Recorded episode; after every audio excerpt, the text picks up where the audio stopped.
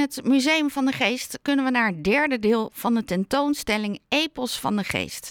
Deze keer hangt er het werk van, of het is het werk van de kunstenaar Laurence Ekerter met haar wandkleed Epic of the Mind, maar het bestaat uit drie delen. Goedemorgen, Laurence. Het wandkleed is totaal 38,5 meter lang en er hangt nu een nieuw deel dat uh, eh, 6 meter lang is en 3 meter hoog. Klopt het dat je dit speciaal voor het museum hebt gemaakt? Ja, ja, ja, dat klopt helemaal. Het is, uh, er zijn eigenlijk heel veel archiefstukken uit het Museum van de Geest aanwezig door mijn wandkleed. Eigenlijk, uh, ze spelen een rol als, uh, als het ware als acteurs in mijn werk. En hoe, hoe is het beeld wat jij in je hoofd hebt? Hoe vertaal je dat naar het wandkleed? Want daar zit een heel proces aan vooraf. Ja, um, ik wist van tevoren dat ik, uh, wat, wat ik voelde, is dat ik er uh, op uit was om een heel langwerpig wandkleed te maken. Zodat de, de toeschouwer het als het ware als een film zou kunnen ervaren. Of een, een lang, um, zodat er kans is om verschillende stemmingen achter elkaar te, ja, te, te laten schakelen. Dat er echt een tijdelement daarin zit. Dus niet een beeld wat je in één hoog opslag kan opnemen, maar iets wat je mee moet maken over een tijd als het ware. En uh, als je 38 meter ziet, ook, ook uh, zou het in, in één lange zaal tentoongesteld worden, dan moet je wel ja, langslopen.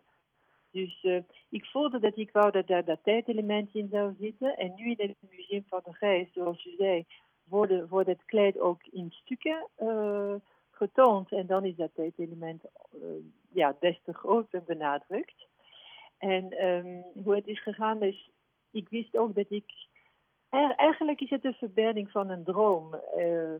een nacht- of een dagdroom.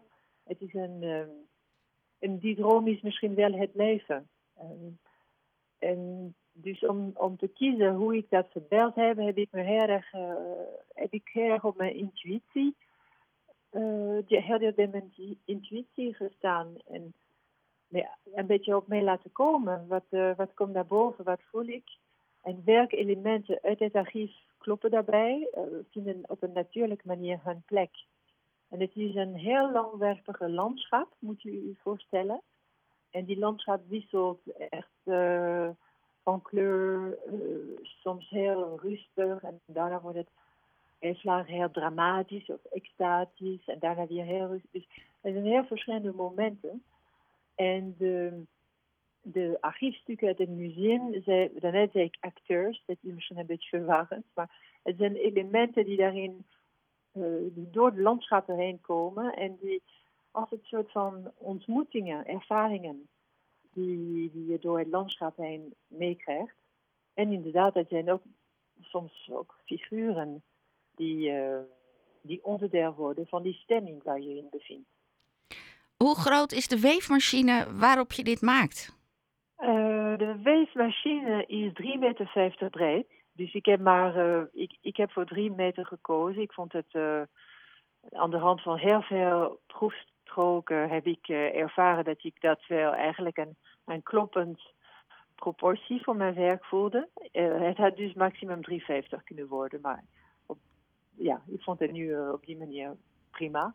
Bovendien heb je ook een klein beetje, je hebt een, een beetje extra ruimte nodig om, het af te, om de, de randen te kunnen confectioneren, zodat je een klein zoom moet kunnen maken, dat het werk goed stevig blijft.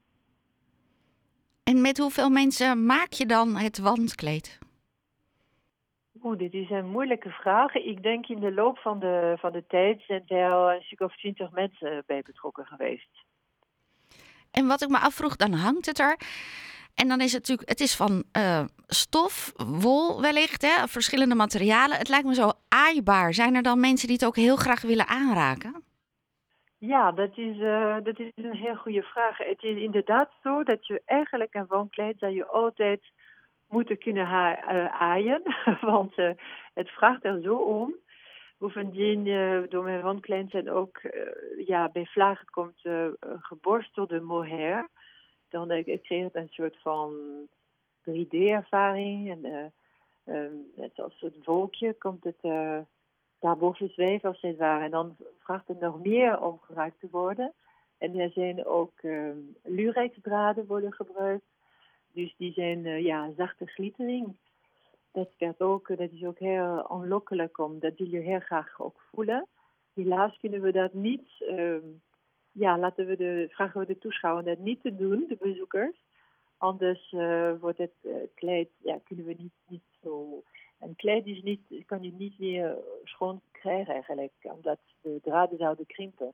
Ook als je het chemisch zou reinigen.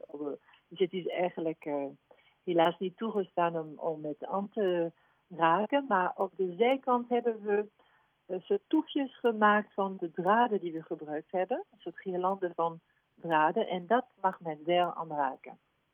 Ja, dat is leuk dat dat dan toch uh, daar nog een beetje aan toegegeven kan worden. Ja, absoluut. absoluut. En uh, we hebben ook een film gemaakt, een korte film van 10 minuten, over dat hele maakproces. Dus alle technische onderdelen ook. Dan zie je echt hoe het komt van, vanuit mijn hoofd tot dan ja, aan de muur van het museum. Met uh, mensen in het textiellab in Tilburg en met mijn assistenten, met de directeur van het museum, de conservator met wie ik het archief ingedoken ben. En in die film kan je heel goed het hele proces volgen. Dus het maakt het ook in die zin uh, op een andere manier, maar ook wel tastbaar. Dat je wel begrijpt wat je ziet, waar het vandaan komt. Laurence, dankjewel dat je bij mij in de uitzending bent geweest. Een hele fijne zondag nog. En um, geniet ook van de tentoonstelling. Ja, hartelijk dank. Ja, ik vond het heel leuk om, uh, om met jou in gesprek te zijn. Heel veel plezier bij... Uh, de Epos van de Geest. Dankjewel. Dag. Dag. Je hoorde kunstenaar Laurence Ekerter. Het derde deel van haar wandkleed Epos van de Geest is vanaf nu te zien in het Museum van de Geest.